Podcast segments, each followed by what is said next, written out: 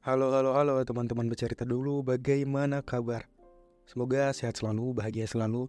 Sudah hampir satu minggu, bukan satu minggu, satu bulan lebih. Wah, lama sekali.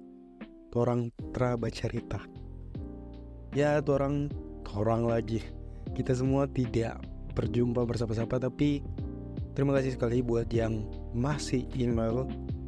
Terima kasih padahal ada yang sadar kalau saya sudah tidak upload sebulan lebih. Jadi teman-teman, sesuai judul kita akan bahas tentang keraguan.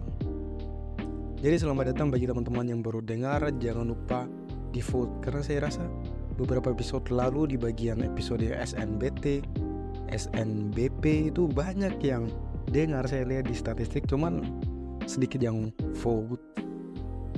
Bukan vote aduh apa ya? Kayak bintang gitu di bagian atas Spotify. Bukan vote kecuali saya ada ikut kompetisi apa. Oke selamat datang di podcast Bacarita dulu.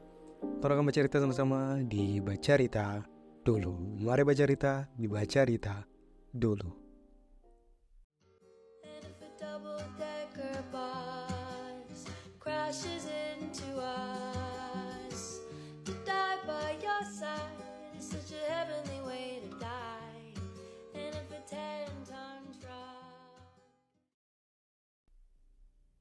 kemarin saya scroll-scroll TikTok dan juga muncul ada kata-kata begitu FYP kata-kata yang bunyinya seperti ini keraguan membunuh lebih banyak mimpi daripada kegagalan. Terus saya pikir-pikir betul juga ternyata keraguan tuh membunuh lebih banyak mimpi daripada kegagalan.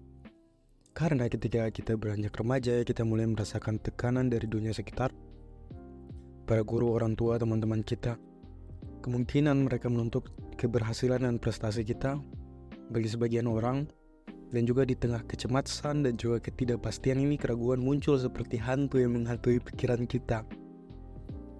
Jadi ya di dalam FVP TikTok itu juga saya menemukan sebuah prinsip bahwa selalu akan ada orang yang lebih hebat, lebih jago, lebih berprestasi. Tapi teman-teman, prinsip ini bukanlah untuk membuat kita nih merasa tak berdaya atau rendah diri. Sebaliknya prinsip ini adalah tantangan untuk menemukan kekuatan dan potensi tersembunyi yang ada di dalam diri kita.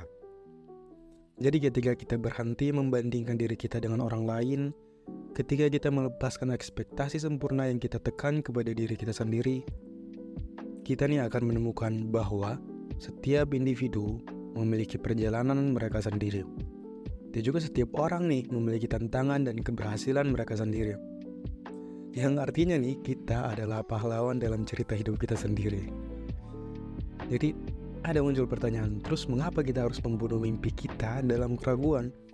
Kenapa kita harus membiarkan diri kita terhenti oleh pemikiran bahwa orang lain lebih baik? Mari kita hentikan siklus negatif ini dan mulai menciptakan suara baru dalam diri kita. Jadi mari kita percaya bahwa mimpi kita akan perlahan-lahan Kenapa jadi kayak motivasi motivator nih? Tapi intinya kegagalan bukan akhir dari perjalanan kita ya teman-teman. Buat yang belum lulus SNBT bukan akhir ya, tapi itu mungkin batu loncatan untuk menuju kesuksesan. Jadi melalui setiap kegagalan yang mungkin teman-teman rasa harus belajar, harus tumbuh dan mengasah ketangguhan teman-teman. Dan juga ingat bahwa tidak ada yang dapat menghentikan diri kita kecuali diri kita sendiri. Jangan biarkan keraguan menjadi alasan kita untuk menyerah nih. Angkat kepala dan percaya bahwa kita memiliki kekuatan untuk mewujudkan mimpi kita sendiri. Jadi mari sama-sama mengatasi keraguan ini. Mari sama-sama membangun keberanian tekad tak tergoyahkan. Dan juga jadikan keraguan ini sebagai batu loncatan yang membawa menuju pencapaian yang lebih tinggi nih teman-teman. Karena kita sadar betul di tengah lautan kehidupan yang tak terduga, kita ditempatkan dalam berbagai situasi yang tak bisa dipilih. Contohnya tempat, waktu, pendidikan yang kita terima, bakat yang diturunkan, orang-orang yang ditemui, kesempatan yang datang, dan bahkan keberuntungan-keberuntungan yang menghampiri kita. Jadi semua ini adalah faktor nyata yang berkontribusi kepada kita. Jadi kita juga harus mengakui bahwa keberhasilan bukan hanya dari usaha faktor usaha semata tapi banyak juga hasil dari berbagai sebab di luar kendali kita nih teman-teman ini adalah realis, realitas yang kadang-kadang sulit diterima. Jadi, mari kita melihat hidup sebagai kompetisi, kompetisi tanpa henti, seperti sebuah balapan lari dengan kereta yang tak terkalahkan. Akan sangat mudah bagi raga kamu untuk menjadi lelah dan juga hati untuk menjadi kecewa. Tapi bukan keberhasilan itu bukan segalanya. Keberhasilan yang sejati adalah saat kita memberikan yang terbaik diri kita, meskipun hasil akhirnya tidak mungkin harus sesuai dengan harapan. Lelah, bekerja tanpa lelah, ciptakan karya-karya yang banggakan, namun lakukan itu dengan alasan yang lebih dalam dan lebih berarti bagi diri kita sendiri.